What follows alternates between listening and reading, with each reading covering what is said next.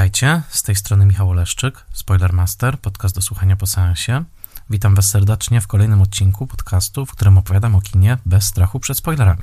Zapraszam do posłuchania odcinka, jeżeli widzieliście już film, o którym mówię, ewentualnie jeżeli nie boicie się spoilerów. Spoilermaster jest podcastem w całości utrzymywanym przez patronki i patronów w serwisie patronite.pl. Zapraszam Was serdecznie do odwiedzenia mojego profilu Spoilermaster i rozważenie progów wsparcia. Spoilermaster jest i pozostanie podcastem darmowym w szerokim dostępie, a jego misją jest popularyzacja wysokojakościowej wiedzy o kinie, ale jeżeli chcecie wesprzeć moją pracę, serdecznie do tego zachęcam. Szczególnie dziękuję patronkom i patronom imiennym, a zatem Michałowi Chudolińskiemu ze strony Gotam w deszczu, Agnieszce Egeman, Odjemu Hendersonowi, Beacie Hołowni, Annie Jóźwiak, Tomaszowi Kopoczyńskiemu, Bartkowi Przybyszewskiemu, autorowi bloga Liczne Rany Kłute, na którym możecie przeczytać m.in. o kinie, komiksie, internecie i telewizji, Konradowi Słoce, Mateuszowi Stępniowi, Jerzemu Zawackiemu i Tomaszowi Mączce, autorom podcastu Let's Make Movies, prezentującego ciekawe analizy filmowe, blogowi Przygody Scenarzysty, prezentującego z kolei analizy scenariuszowe i Fundacji Wasowskich, pielęgnującej spuściznę Jerzego Wasowskiego i wydającej książki Grzegorza Wasowskiego. Im wszystkim serdecznie dziękuję. Dzisiejszy odcinek i odcinek następny jest dodatkowo pod patronatem konkursu Papaya Young Directors, który poświęcony jest z kolei wprowadzaniu na scenę filmową nowych reżyserskich talentów.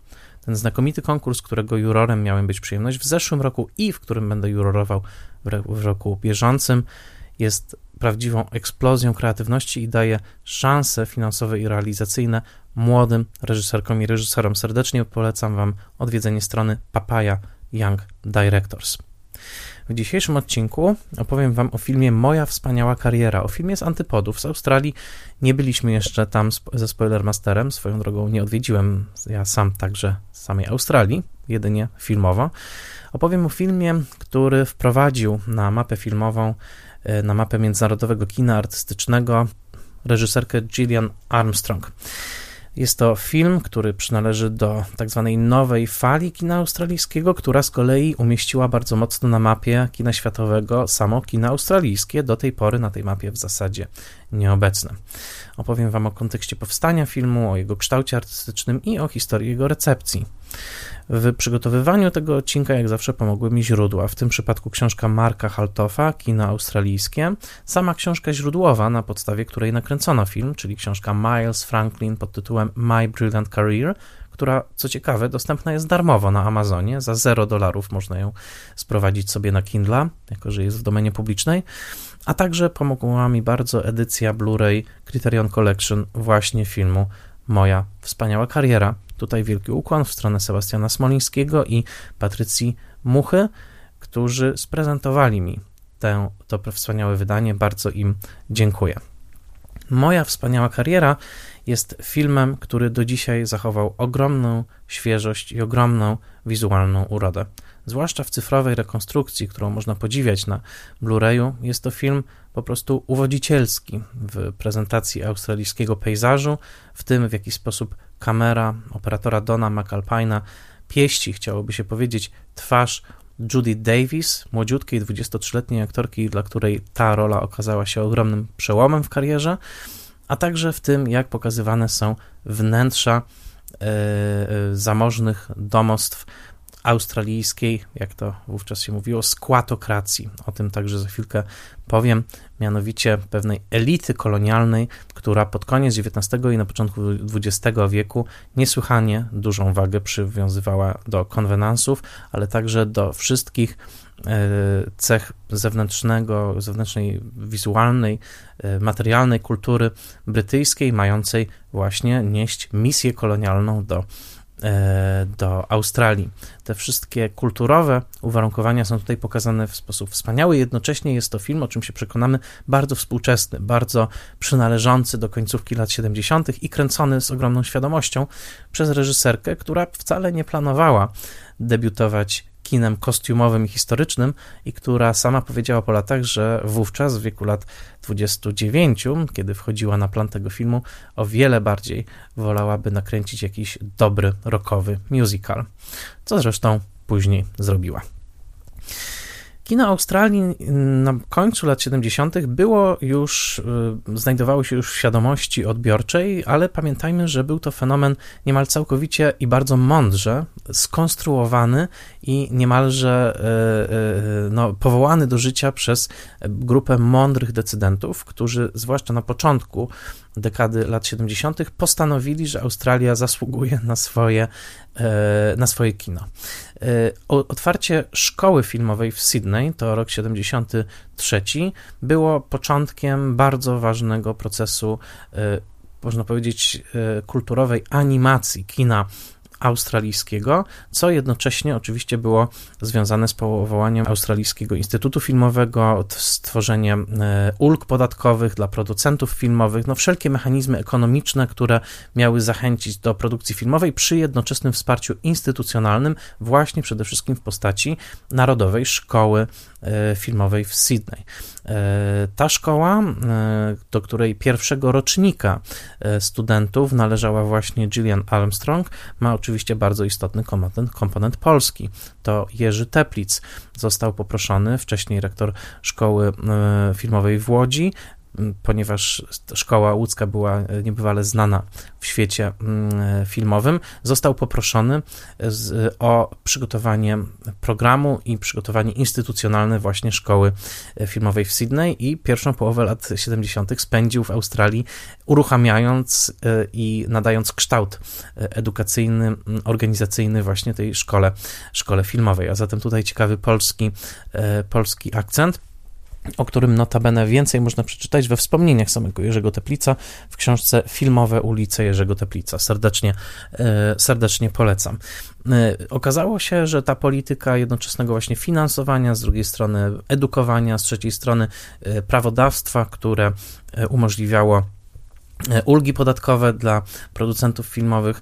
To wszystko sprawiło, że faktycznie kino australijskie ruszyło do, mm, do akcji i już w momencie, kiedy powstawała moja wspaniała kariera, to kino już miało dosyć duże sukcesy. To nie było tak, że był to pierwszy film, który pokazał światu, do czego zdolni są Australijczycy. No, było to, był to czas już po pikniku pod wiszącą skałą Petera Weira, E, już wówczas debiutował Bruce Beresford, zwłaszcza film The Getting of Wisdom, także kostiumowy dramat, podobnie jak moja wspaniała kariera. E, no, były już, były już nazwiska, były już zjawiska, które okazywały się niebywale e, płodne, interesujące, fascynujące. Tutaj to połączenie mistrzostwa formalnego, wybitnych operatorów, którzy narodzili się na tym gruncie, od Russella Boyda po właśnie Dona McAlpina, który nakręcił moją wspaniałą karierę, reżyserzy, którzy coraz to śmielej podejmowali tematy związane także z kolonialną przeszłością Australii, niebywale trudny e, temat E, I, i, taki, który dopiero z, z, latami będzie się coraz to mocniej wkradał do tych filmów, zwłaszcza jeżeli chodzi o traktowanie e, i ludobójstwo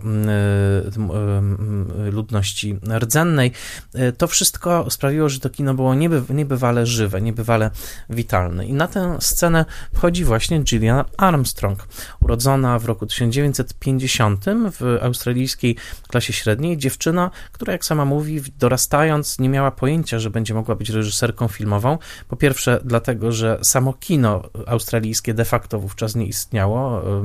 Ona oglądała głównie filmy brytyjskie i amerykańskie, a po drugie, nie było także za bardzo e, reżyserek e, filmowych, chociaż akurat pod tym względem Australia ma dosyć chlubną przeszłość, ale możliwe, że to temat na inny odcinek. Tak czy inaczej, Gillian Armstrong dorastała w takiej raczej mm, mm, konserwatywnej, niższej klasie średniej. Jej matka była nauczycielką, jej ojciec był agentem nieruchomości, ale jak sama mówi, swoją drogę artystyczną zawdzięcza właśnie ojcu. Dlaczego? Dlatego, że ojciec był niespełnionym artystą. Ojciec był zmuszony przez okoliczności życiowe do podjęcia odpowiedzialnej kariery właśnie agenta nieruchomości, ale tak naprawdę w duszy był fotografem, był niespełnionym fotografem, który każdą wolną chwilę poświęcał na fotografowanie y, i jednocześnie miał w sobie poczucie wielkiej goryczy i niespełnienia związane z tym, że nie mógł zrealizować się jako artysta i postanowił, że jego córka e, będzie miała wszelką wolność wyboru artystycznej drogi. W każdym wywiadzie Gillian Armstrong podkreśla, że gdyby nie owa ogromna zachęta ze strony ojca, zapewne e, reżyserką filmową by się nie stała. A tak i fotografowanie, na które, którego właściwie ojciec jej nauczył, i rysunek, i czytanie łapczywe książek, to wszystko było coś, co nie było traktowane w jej domu jako marnowanie czasu, wręcz, wręcz przeciwnie, było takim oczkiem w głowie ojca Gillian Armstrong, żeby umożliwić córce e, rozwój właśnie na tej drodze, która dla niego samego okazała się zamknięta.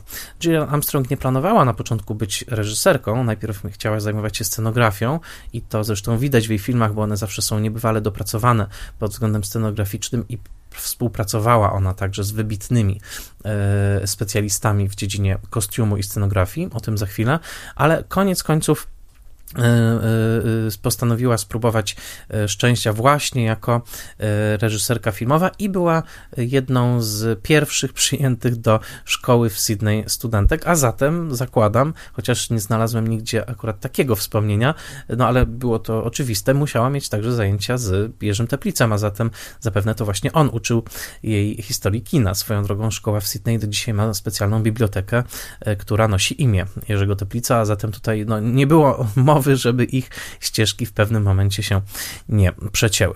E, Gillian Armstrong jest wówczas nastawiona przede wszystkim buntowniczo, mm, feministycznie, ale także rockowo. Rock, muzyka rockowa jest dla niej czymś, co jest niesłychanie ważne.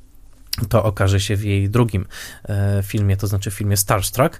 E, natomiast e, jednocześnie rozwija się kariera producentki, bo moja wspaniała kariera to wybitnie sfeminizowany film w tym pionie kreatywnym, mianowicie producentki Margaret Fink która z kolei swoją swobodę w, na polu artystycznym zawdzięcza bardzo zamożnemu mężowi, takiemu można powiedzieć małżeństwu w starym kolonialnym stylu, a jednocześnie Margaret Fink była osobą niebywale artystycznie uzdolnioną i także bardzo nastawioną na tworzenie, tworzenie sztuki, stała się znakomitą producentką filmową i Margaret Fink w pewnym momencie nabyła prawa do ekranizacji książki Miles Franklin właśnie pod tytułem Moja wspaniała kariera i początkowo chciała powierzyć jej reżyserię Romanowi Polańskiemu, ale koniec końców po tym jak zobaczyła krótkie metraże Gillian Armstrong, a zwłaszcza jeden film pod tytułem 100 dziennie 100 a Day, to rok 1973, postanowiła, że nikt nie pokaże kobiecej perspektywy tej opowieści, jak właśnie kobieca reżyserka. Dodam, że 100 a Day, film zaledwie 9-minutowy, to wstrząsający i do dzisiaj znakomity portret młodej pracownicy fabryki butów w latach 30. w Australii, która dokonuje pokątnej aborcji, ale ponieważ nie, nie może pozwolić sobie na utratę pracy, tego samego dnia idzie i szyje buty przy e, takiej e, taśmie produkcyjnej i tak naprawdę film stanowi obserwację jej cierpienia, jej ogromnego fizycznego wysiłku, jak stara się utrzymać przy tej, przy tej pracy, przy tej właśnie, przy tym stole, przy którym szyje, szyje buty. Tytuł odnosi się do tego, że fabryka produkuje 100 butów dziennie, ale także odnosi się do tego, że w, aborcji, że w Australii dokonuje się 100 aborcji e, dziennie. Jest to świetny film skupiony całkowicie na e, obserwacji bohaterki, pozbawiony łatwego moralizowania, skupiony na takim fizycznym doświadczeniu tej, tej kobiety. E, pod pewnymi względami przypomina ten film, a przynajmniej przewiduje e, film Christiana Mungiu 4 miesiące, 3 tygodnie, 2 dni. Też także taki film skupiony radykalnie na doświadczeniu kobiety, która jest tuż po zabiegu przerwania, przerwania ciąży. I po obejrzeniu tego filmu właśnie Margaret Fink zadecydowała, że no, to jest, y, to, y, jakby to będzie idealna reżyserka y, do mm, tego, mm, do tego projektu, a mianowicie do adaptacji literatury, która no, pod wieloma względami była na całkowitych antypodach tego, czym Gillian Armstrong interesowała się w latach 70., właśnie jako taka no, mm, roko, rockowa artystka. Mianowicie Miles Franklin, co prawda to pseudonim, jej prawdziwe imię to Stella Maria Sarah Miles Franklin, jej książka, Moja wspaniała kariera, można powiedzieć, że była pokryta dosyć grubą warstwą patyny w roku 79. Sama książka została wydana w Szkocji w roku 901, e, kiedy to autorka miała zaledwie 22 lata i jakby nazwisko Miles Franklin, co było pseudonimem męskim przyjętym przez tą młodą dziewczynę, która spisała swoje doświadczenia jako córki farmerów australijskich, marzącej o karierze artystycznej wbrew wszelkim nakazom swojej, swojej rodziny. Otóż ta książka należała do takiej klasyki literatury australijskiej. Sama Miles Franklin była niesłychanie aktywną działaczką, nie tylko sufrażystką, ale także taką e, działaczką na rzecz literatury australijskiej. Do dzisiaj przyznaje się nagrodę jej imieniem dla tych pisarek i pisarzy, którzy umacniają właśnie e, australijski głos e, w literaturze, a zatem e, no, miało to wszelkie cechy pewnej takiej no, quasi-nacjonalistycznej wręcz, co sama Gillian Armstrong powiedziała, ramotki, takiego właśnie tekstu, który czyta się w szkole, zgrzytając zębami, nie wiem, coś na pograniczu Sienkiewicza i Orzeszkowej być może, w każdym razie coś, coś takiego, no, co niekoniecznie było bardzo seksowne, w latach w latach 70., a Miles Franklin, która już co prawda wówczas nie żyła, bo ona zmarła w roku 54, no kojarzyła się z takim czymś właśnie szacownym i raczej przypisanym do szkolnego,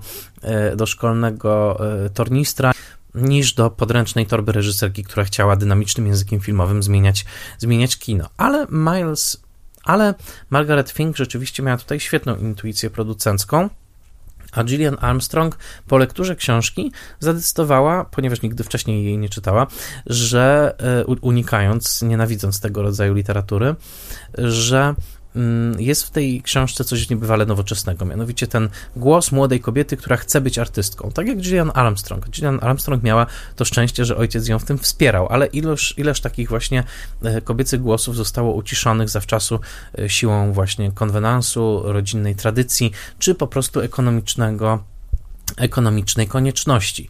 I w tym sensie Gillian Armstrong dostrzegła tutaj szansę na nakręcenie kostiumowego filmu, co prawda, ale filmu na współczesny temat, filmu o współczesnej kobiecie, tyle że przebranej niejako w kostium, e, kostium historyczny. Akcja książki, e, którą przeczytałem na potrzeby tego podcastu, którą czyta się bardzo dobrze, ona wbrew pozorom i wbrew temu, jak malowała ją w wywiadach Gillian Armstrong, przynajmniej na początku, jest, jest bardzo świeża, ją się bardzo dobrze czyta, tak trochę jakby Ania z Zielonego Wzgórza napisała swój własny pamiętnik. E, więc akcja książki dzieje się w latach 897-901, to jest taki główny, główny, główny fokus.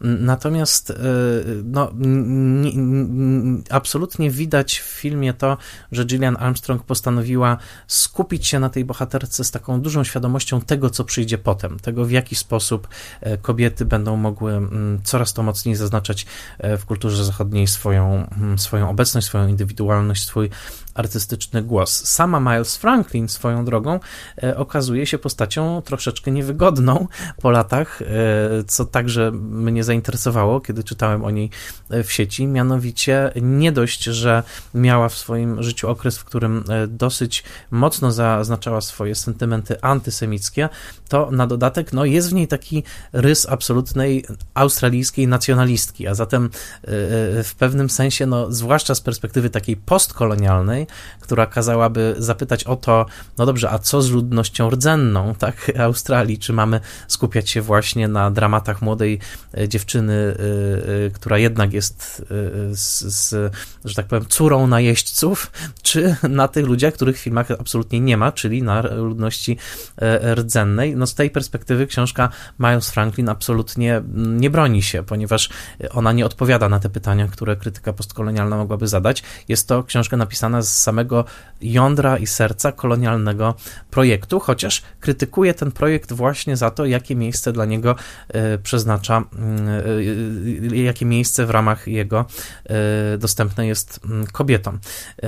Co więcej, Miles Franklin w pewnym momencie była tak mocno skupiona na kwestii australijskości i propagowania australijskości, że była także fanką e, eugeniki. To jest już kolejna, e, kolejny taki literacki głos, który odkrywam po latach, czytając więcej o nim, e, przygotowując się do podcastu, że właśnie fascynacja eugeniką była częścią tej osobowości. Między innymi dotyczyło to także Jacka Londona, o którym mówiłem rok temu w czasach tuż przedpandemicznych. Niemniej książka opisuje właśnie dziewczynę, która jest córką mm, tak zwanych, mm, tak zwanej,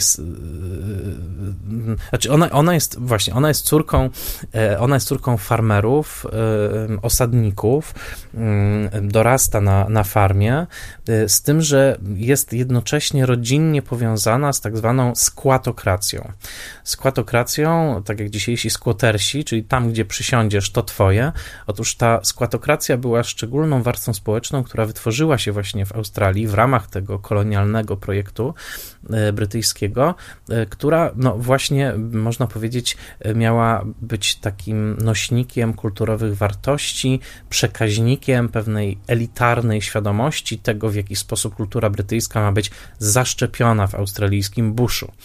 Oczywiście ani ja nie jestem specjalistą od historii Australii, ani ten odcinek nie jest miejscem na przytaczanie historii Australii, ale warto pamiętać, jak niebywale agresywnym i błyskawicznym, a jednocześnie naznaczonym jakimś no, więcej niż jednym grzechem pierwotnym był sam projekt kolonizacji Australii.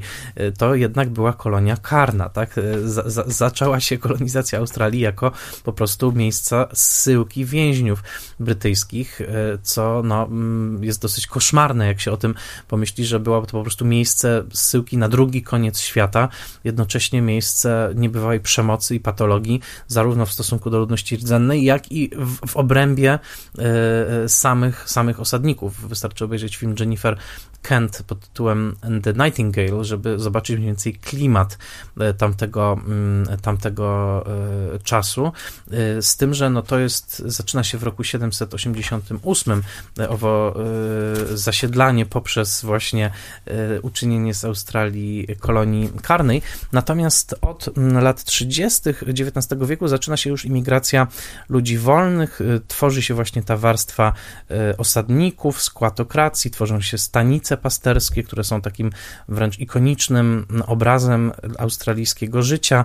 Y, oczywiście owce, tak, i eksport wełny owczej to najważniejszy w tamtym czasie australijski biznes i e, od lat 50., kiedy zostaje tam także odkryte złoto, co jest kluczowe, jeżeli chodzi o rozwój australijskiego projektu kolonialnego, zaczyna się demograficzny boom.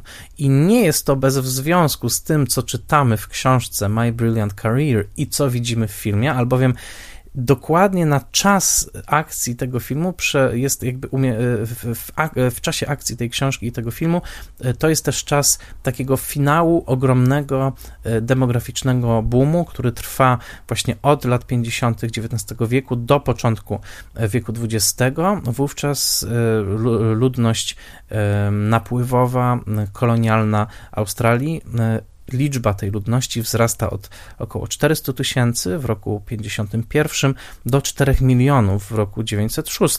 Częścią projektu kolonialnego, pewnej polityzacji życia codziennego było także to, że od kobiet oczekiwało się rodzenia dużej ilości dzieci, od mężczyzn z kolei pracy y, takiej, która umożliwiłaby utrzymanie takich ogromnych y, rodzin, bo celem była kolonizacja także e, demograficzna i rasowa. To znaczy chodziło o to, by białe kobiety rodziły jak najwięcej białych dzieci. W tym sensie Stella, e, przepraszam, Sybilla, bohaterka mojej wspaniałej kariery, może czuć na sobie także i oddech tego, tego projektu e, demograficznego, który zadecyduje o jej życiu. Pod koniec filmu ona mówi postaci Harego, że nie chce żyć w taki sposób, żeby żyć w buszu i rodzić co, co roku kolejne, kolejne dziecko. Więc e, ważne jest to, że film dzieje się w czasie, kiedy ten kolonialny australijski projekt bardzo wciąż dynamicznie się rozwija. Tak jak mówię, i książka, i film pomijają zupełnie cierpienie ludności rdzennej. Tego tematu tutaj nie ma i to można próbować krytykować z perspektywy e, postkolonialnej. Niemniej jednak e, to jest jakby opowieść narodzona w, se w, sercu tego systemu i krytykująca go z trochę innych pozycji, mianowicie z pozycji właśnie feministycznej i tego, jakie miejsce dla kobiet przewidziane jest w owym, w owym projekcie pół wieku po tym, jak Sybilla, czyli właśnie e, bohaterka mm, mm, jednocześnie stanowiąca alter ego literackie Miles Franklin, przeżywała swoje dylematy i spisywała swoje wspomnienia, wysyłając je do Edynburga z małą nadzieją na publikację, ale jednak dzięki tej publikacji stała się rodzajem literackiej gwiazdy, Gillian Armstrong już wchodziła w zupełnie inny e, układ społeczny, w którym właśnie e, głos takich kobiet jak producentki Margaret Fink, czy właśnie jej samej, czy aktorki Judy Davis, która stała się przecież gwiazdą światową, był już o wiele, wiele bardziej słyszalny. W tym sensie jest to e, ciekawy przykład, moja wspaniała kariera, takiej także e, no, pewnej ciągłości kulturowej kobiet, które zaznaczają coraz silniejszą swoją obecność w ramach takiej patriarchalnej kultury brytyjskiej i także ją y, przekształcają w coś zupełnie swoistego, w tym przypadku w głos kultury australijskiej. Ale wróćmy do mniej abstrakcyjnych rozważań, mianowicie do tego, w jaki sposób film powstawał. Film był, e, wygląda na bardzo drogi, de facto nie był aż tak, e, aż tak drogi, miał po prostu znakomitych specjalistów od e, kwestii wizualnych. Gillian Armstrong wchodziła na plan tego filmu z, dużym, z dużą tremą, jednocześnie była obudowana, tutaj ukłon w stronę producentki Margaret Fink, bo to właśnie jest zadanie producenta, aby obudować reżysera odpowiednią ekipą, która pozwoli na realizację celu, znakomitą rzeczywiście ekipą, to znaczy Don McAlpine nakręcił wybitne zdjęcia inspirowane e, impresjonistami francuskimi, ten takie e, bliki świetlne, niemalże puentylistyczne kadry, w których wydaje się, że obrazy są rysowane pojedynczymi plamkami światła. Australijski bush pięknie sfilmowany w takim cudownym, ostrym słońcu i jednocześnie wnętrza, w których każda filiżanka i każdy mm, wzorek na tapecie jest pięknie skoordynowany ze sobą, tworząc taki cudowny nawet nie tyle kontrast piękna naturalnego i piękna e, kultury e, ludzkiej, materialnej, ale właśnie pewnej harmonii, to znaczy tego, że e, nie widzimy tutaj jakiegoś zderzenia pomiędzy światem tych porcelanowych filiżanek i światem buszu. Wydaje się, że te elementy żyją w pewnej, w pewnej harmonii ze sobą. To wielka zasługa Dona McAlpina, ale może przede wszystkim absolutnie wybitnej i obdarzonej fascynującą biografią scenografki Luciany Arigi. Oczywiście to jest tak, że kiedy tylko klikniemy w nazwisko scenografa, jeżeli w jakimś filmie zachwyci nas scenografia, to samo dotyczy wielu innych e, zawodów filmowych, natychmiast wyskoczy nam profil na IMDb, w którym odnajdujemy mnóstwo filmów, które znamy i kochamy i orientujemy się, aha, czyli to ta osoba była odpowiedzialna za właśnie wygląd tak wielu, wielu filmów. No tak, to wybitna specjalistka. Tak właśnie jest z Lucianą Arigi. Cóż za fascynująca kobieta. Polecam wam, żebyście wygooglowali sobie troszkę o niej. E, po pierwsze, jest to prawdziwa arystokratka e, w zachowaniu, obyciu e, z rodziny włoskiej, o tradycjach arystokratycznych ona sama i dyplomatycznych. Ona sama urodziła się w Rio de Janeiro, później kształciła się w Wielkiej Brytanii i Australii. No, w pełnym tego słowa znaczeniu przedstawicielka takiej światowej, kosmopolitycznej elity która wniosła do filmu, o czym mówiła sama Gillian Armstrong, nie tylko to wszystko, co było widoczne w scenografii, ale także w kostiumach, Kostiumy doczekały się swoją drogą nominacji Oscarowej, jedynej dla tego filmu ale także wniosła całą wiedzę o savoir-vivre, dlatego że tutaj to, kto komu podaje herbatę, w jaki sposób ludzie siedzą przy stole, jak się zachowują, jak służba odnosi się w stosunku do, e, do e, właścicieli domostwa, to wszystko konsultantką tego była także Luciana Arigi, która, jak sama wspomniała, miała to we krwi, ponieważ zostało jej to wpojone w domu po prostu, jako że sama właśnie pochodziła z tej warstwy społecznej. Także dzięki niej, dzięki Lucianie Arigi ten film film ma także posmak niebywałej autentyczności w tych detalach zachowania, detalach scenografii. Luciana Arigi po latach otrzyma Oscara za cudowny scenograficzny film, można powiedzieć pewną pornografię scenografii e, z epoki, mianowicie za film Powrót do Howard's End e, Jamesa Ivorego, z którym zresztą będzie często współpracować, ale jeżeli przejrzycie jej filmografię, zobaczycie, że faktycznie, jeżeli chodzi o odtwarzanie realiów, zwłaszcza XIX-wiecznych, wczesno XX-wiecznych, chyba nie, no, mało kto mógłby się z nią równać. Ona robiła scenografię innymi do Zakochanych Kobiet Kena E, Kena Russella, e, no i właśnie do takich e, perełek wizualnych jak Powrót do Howard's End czy Okruchy Dnia Jamesa Ivorego i jest naprawdę no, niezwykłą, niezwykłą osobowością. Jak sama zresztą mówi żartobliwie w wywiadzie na Blu-rayu, o którym wspomniałem, cała jej pasja do scenografii wzięła się z tego, że jej matka w pewnym momencie odebrała jej, kiedy już ona dorastała, domek dla lalek, którym Luciana uwielbiała się bawić E, mówiąc, że jest na domek dla lalek za stara. E, Luciana była tym tak wstrząśnięta i tak bardzo chciała się zbuntować przeciwko matce, że postanowiła, że zamieni całe swoje życie właśnie w strojenie domków dla lalek, bo tym właśnie dla niej jest scenografia filmowa.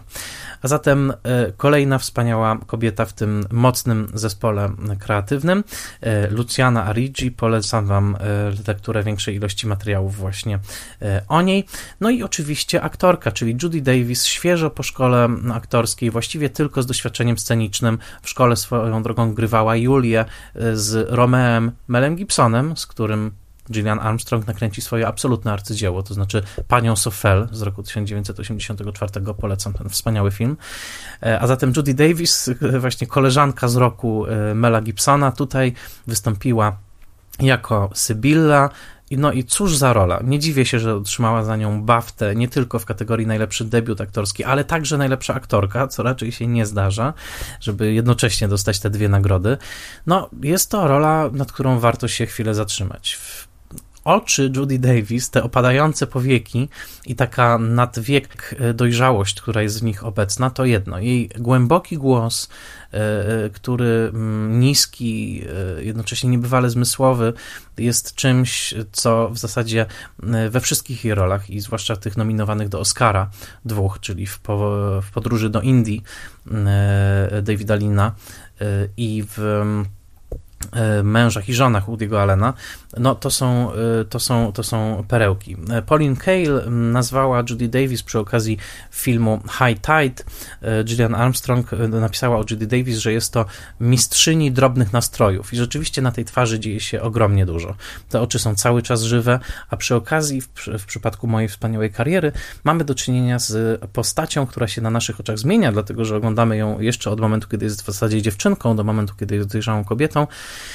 i także fizycznie się zmienia. I tutaj mm, ważny jest kontekst tego, że bohaterka mojej wspaniałej kariery jest przekonana o tym, że jest brzydka i e, e, jest to jej ogromny kompleks. I teraz e, moment, w którym Gillian Armstrong zdecydowała się, że jednak musi nakręcić tę opowieść, to był moment, kiedy słyszała od rozmaitych mężczyzn w branży filmowej, że jeżeli ktoś będzie przenosił tę książkę na ekran, no to trzeba będzie znaleźć bardzo brzydką aktorkę, no bo przecież ona jest taka brzydka w tej książce.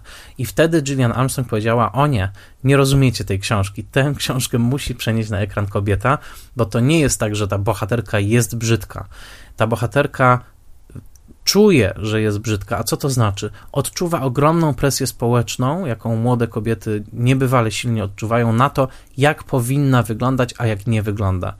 Gillian Armstrong, geniusz Gillian Armstrong tutaj obsadowy, a nie było łatwo obsadzić Judy Davis w tym filmie ze względu na to, że miała inne zobowiązania teatralne, ale Gillian Armstrong się uparła polegał na tym, że to piękno jest ewidentne od pierwszego momentu, jednocześnie charakteryzacja w pierwszej połowie filmu, e, wydłużenie włosów, skręcenie ich bardzo mocne, Judy Davis ma proste włosy, e, domalowanie jej dodatkowych piegów, e, oświetlenie sprawiają, że mamy wrażenie właśnie na taką, na, wrażenie patrzenia na istotę czekającą się na wyklucie. Całe jej piękno już tam jest, tyle tylko, że ona nie posiada świadomości tego piękna. Świadomość czyni pięknym. Świadomość jest pięknem. I ten film właśnie to wspaniale uchwycił. Co prawda, sama Judy Davis do dzisiaj mówi, że nie może na siebie patrzeć w tej roli, co jest ciekawym paradoksem, i podobno obejrzała ten film tylko raz w trakcie robienia postsynchronu, bo podobno nie przepada za tą swoją rolą. No ale to nie zmienia faktu, że została okrzyknięta absolutną sensacją przez krytykę światową i także w trakcie pokazu e, festiwalu, na festiwalu w Cannes, kiedy ten film dostał się do konkursu głównego. Po pokazie e, film otrzymał owację na stojąco, a Judy Davis Davis błyskawicznie została nazwana gwiazdą w bardzo młodym wieku. Na e, dysku Kryteriona jest wspaniały dokument z tego czasu, kiedy reporterka francuska odwiedza Judy Davis w jej domu. Judy Davis opowiada tam o swoim kulturowych korzeniach. Jest, ona ma korzenia irlandzkie, wychowała się w bardzo mocno katolickiej rodzinie w Perth i Judy Davis jest tak uwodzicielska tam i tak świadoma, mam wrażenie, swojego, swojej klasy, a jednocześnie jest trochę fałszywie skromna, dlatego że ostatnie pytanie, jakie tam pada, to jest, czy chciałabyś zrobić karierę w Hollywood? Czy to jest ten następny krok? Ona mówi, no, absolutely not. No, I'm very happy here. No i teraz właśnie spójrzcie na filmografię Judy Davis, na jej liczne amerykańskie role, zwłaszcza Woody'ego Allena, bo z nim bardzo często współpracowała, ale nie tylko, bo także u Gillian Armstrong i wielu innych.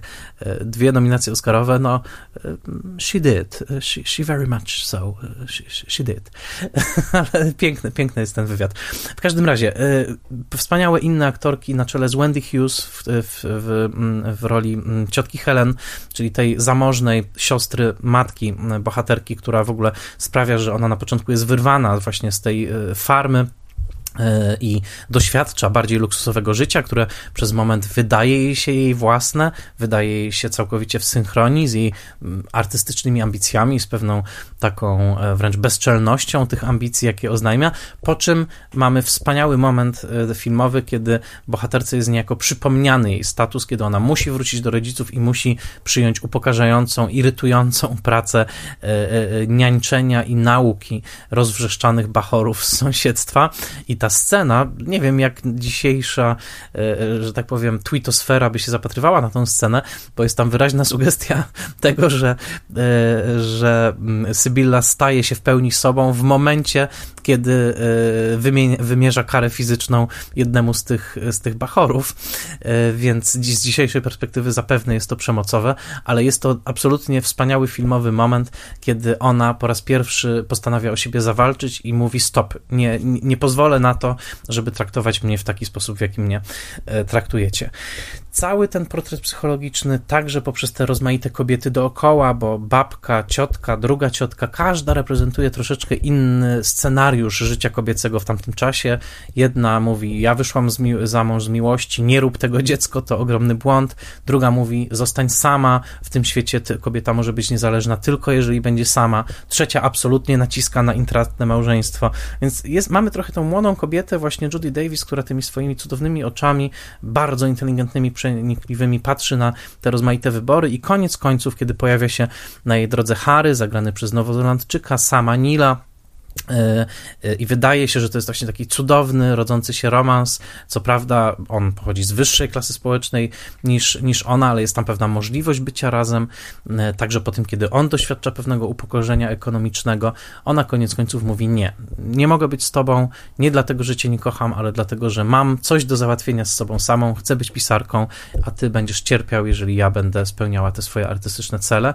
I w tym sensie to jest właśnie ta opowieść emancypacyjna, która idealnie wchodzi w synchronie z wieloma filmami dokładnie tego samego czasu, bo jeżeli wyświetlicie sobie moją wspaniałą karierę e, jednocześnie albo dzień po dniu z takimi filmami jak Sprawa Kramerów z roku 79, czy Niezamężna kobieta Paula Mazurskiego ze wspaniałą nagrodzoną w Cannes Jill Clayborough, e, to wszystkie te filmy mówią właśnie to samo, że kobieta ma prawo do zatrzymania się, spojrzenia na wzor wzorce kulturowe, jakie wywierają na nią presję i do powiedzenia nie.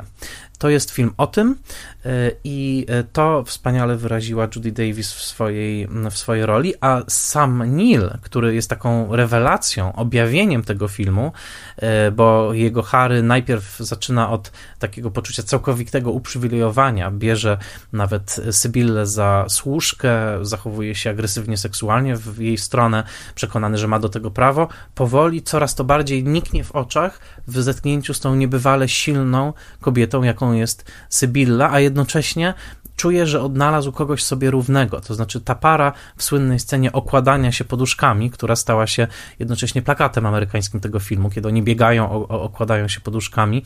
E, ta para jest idealna, tyle że, no właśnie, e, Sybilla wie, że ma pewne sprawy do załatwienia z sobą samą i że chce zostać pisarką, a w tym modelu, w którym właśnie miałaby pośrodku buszu rodzić dziecko za dzieckiem, być może, a nawet na pewno nie byłoby to możliwe. Gillian Armstrong dostrzegła w opowieści happy end, którego w nim nie ma, dlatego że książka sama w sobie nie kończy się na nucie pozytywnej, raczej kończy się na takiej nucie, no cóż, e, wciąż nie osiągnęłam tego, co chciałam osiągnąć. Pamiętajmy, że pisze to bardzo młoda dziewczyna. Książ tytuł Moja cudowna kariera jest ironiczny, tak? Jest, jest takim wyrazem właśnie jej buńczuczności, tego, że no cóż, opiszę wam teraz tę moją moją wspaniałą karierę, której de facto nie ma. Ale Gillian Armstrong dostrzegła coś i kto wie, czy po latach Greta Gerwig nie zainspirowała się tym, kręcąc swoje małe kobietki. Yy, mianowicie Gillian Armstrong powiedziała, zaraz, zaraz, happy end trzymam w ręku. Happy endem jest właśnie książka, którą ta dziewczyna wysłała do wydawcy w Edynburgu i która została wydana i która odniosła sukces. A zatem ostatnia scena filmu, cudowna, absolutnie cudowna, to jest moment, kiedy Sybilla wysyła rękopis do wydawcy, opiera się o bramę, e, słońce zachodzi, stoi e, właśnie przy tej skrzynce pocztowej i wpatruje się w horyzont, jednocześnie wpatrując się w swoją przyszłość i na jej twarzy rysują się wszystkie emocje związane z takim wyczekiwaniem własnego życia, tego, że to za chwilkę dopiero się zacznie. To jest cudowna scena i wtedy w pełni rozbrzmiewają sceny dziecięce Schumana, które w tym filmie były wielokrotnie grane. To jest też geniusz Gillian Armstrong, że dobrała właśnie ten utwór, bo on jest grany przez samą Sybillę, trochę nieporadnie, potem jest grany yy, już trochę lepiej, później on się pojawia na ścieżce dźwiękowej samodzielnie i bodajże czwarty, piąty czy nawet szósty raz, kiedy on rozbrzmiewa w tym filmie, to już rozbrzmiewa w pełni, w takiej aranżacji na fortepian i na mm, skrzypce i ta melodia po obejrzeniu tego filmu już w sposób niepodzielny należy do tego filmu. To znaczy, ilekroć słyszy się te właśnie szumanowskie nuty, przywołujące jakiś taki niewinny świat dzieciństwa, jakiegoś takiego za zaczarowania światem, one się kojarzą po prostu z moją wspaniałą karierą. Swoją drogą e, to zakończenie e, nie da się go, nie da się, go się zapomnieć, bo, bo, bo tak dużo się dzieje w tej scenie. To jest jednocześnie Judy Davis, która patrzy w swoją karierę, która dopiero się zaczyna. To jest reżyserka Gillian Armstrong, która właśnie rozpoczyna swoją karierę, e, która też wysyła niejako ten film w świat i, i ma nadzieję, że coś z tego wyjdzie.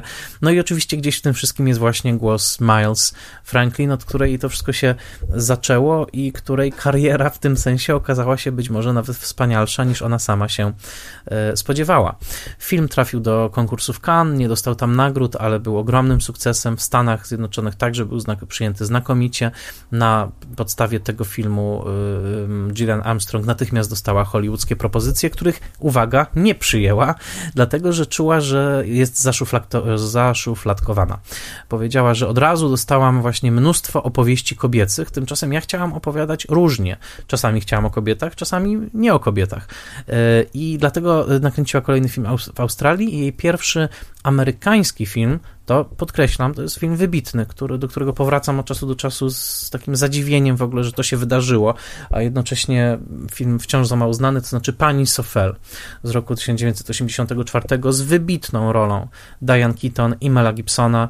E, no, melodramat o, o, o żonie E, e, naczelnika więziennego w wieku XIX w Stanach Zjednoczonych, która zakochuje się w jednym z więźniów e, i, i z nim planuje ucieczkę niebywały film. To tylko tyle powiem, być może będzie o nim osobny Spoilermaster. W każdym razie, jeżeli możecie, to tutaj ta kolejna współpraca z e, kolegą z roku, tym razem Judy Davis, czyli właśnie e, tym razem już z Melem Gibsonem, okazała się wspaniała, a rola Diane Keaton uważam, że to jest najwybitniejsza w ogóle rola tej, tej aktorki. Scenografia Luciana Arigi swoją drogą. To niebywałe więzienie, które tam zobaczycie, jest też wspaniale przez nią e, zaaranżowane. Swoją drogą e, Andrzej Żuławski był bardzo zachwycony tym filmem i e, dzięki temu filmowi, dzięki temu, że właśnie w Cannes obejrzał moją wspaniałą karierę e, i, i, i nawet był w rozmowach z Judy Davis w pewnym momencie, zatrudnił sama Nila do, uwaga, opętania, bo opętanie dwa lata później powstaje i tam właśnie sam Nil gra główną rolę męską u boku Izabela Gianni i to właśnie dlatego, że Żuławski zobaczył go w mojej wspaniałej e, karierze, a zatem o tym też e, taki kolejny mini polonikum, a raczej, a raczej e, kontekst, który się który się pojawia. Gillian Armstrong nakręci wiele wybitnych filmów. Po latach nakręci wspaniałą adaptację, którą o wiele bardziej wolę od adaptacji Grety Gerwig, Małych Kobietek. To będzie rok 94. I co ciekawe, to pewna klamra bardzo ładna się domknie po niemal ćwierci wieku. Mianowicie, a nawet chyba dokładnie po. Nie, po 15 latach. Tak? Ten czas zupełnie inaczej biegł wtedy niż teraz. E, mianowicie w 1994 roku Gillian Armstrong kręcąc e, Małe Kobietki e, zrozumie, powie też w wywiadzie o tym, że zrozumie dlaczego Miles Franklin napisała swoją książkę, co ją ośmieliło. I Gillian Armstrong mówi, że nie jest pewna tego, nie ma dowodów twardych w ręku, ale sprawdziła daty wydania Małych Kobietek w Australii i stwierdziła, że Miles Franklin musiała przeczytać Louise May Alcott i że to właśnie postać Joe i, post i w ogóle postać Louise May Alcott jako autorki zainspirowała Miles Franklin do tego, żeby napisać swoją książkę. W tym sensie e, bardzo interesująca sztafeta od Louise May Alcott w, e, na wschodnim wybrzeżu Stanów Zjednoczonych do młodej dziewczyny w australijskim buszu, do młodej reżyserki w latach 70., aż do teraz, kiedy włączamy ten film i oglądamy wspaniałą Judy Davis w tej historii o odnajdywaniu własnego głosu. To wszystko gdzieś tam się zaczyna na poddaszu u Louisy May Alcott, która pisze swoje e, małe kobietki, ale do tej opowieści zachęcam Was poprzez kliknięcie do odpowiedniego odcinka Spoilermastera poświęconego właśnie małym kobietkom, bo tam opowiadam o kontekście powstania małych kobietek.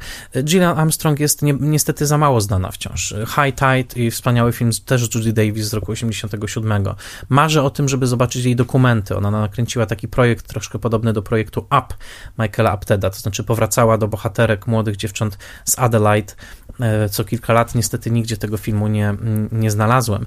E, polecam wam też wspaniały jej film pod tytułem Oscar i Lucinda z roku 1997 z Ralphem Fiennesem i Kate Blanchett, z którą ona zresztą często współpracowała pracowała.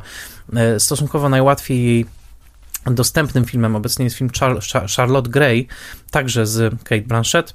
Niestety nie jest to jej najlepszy film, ale naprawdę liczę na jakąś retrospektywę, ewentualnie właśnie na większą dostępność tych filmów, bo te, które znam, są wybitne, a chciałbym poznać jeszcze więcej. A Was zachęcam do tego. Nigdy tego nie robię, bo to takie półlegalne źródło, ale ten film, no właśnie, yy, nie, nie, nie każdy musi od razu wykosztowywać się na tego Blu-raya. Ten film jest także zdradzę na polskim CDA, yy, więc tam możecie obejrzeć moją wspaniałą karierę, jeżeli ten odcinek Was zainteresował.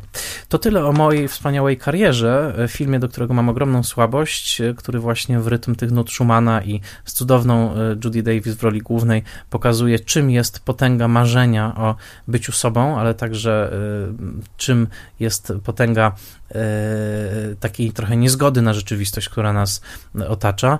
E, bardzo serdecznie Wam ten film polecam, albo polecam powrót do tego filmu. Cieszę się, że wybraliśmy się tym razem w spoilermasterową podróż aż do Australii i że e, do tej grupy reżyserek, której w tym podcaście mówię, dołącza tak cudowna persona jak Gillian Armstrong i tak jak mówię, mam myślę coś czuję, że już niedługo będzie też odcinek o pani Sofer. Bardzo Wam dziękuję za słuchanie. E, jeżeli podobał Wam się ten odcinek, serdecznie zapraszam Was na patronite.pl łamane przez Spoiler Master i pozdrawiam Was najserdeczniej. My słyszymy się już za tydzień.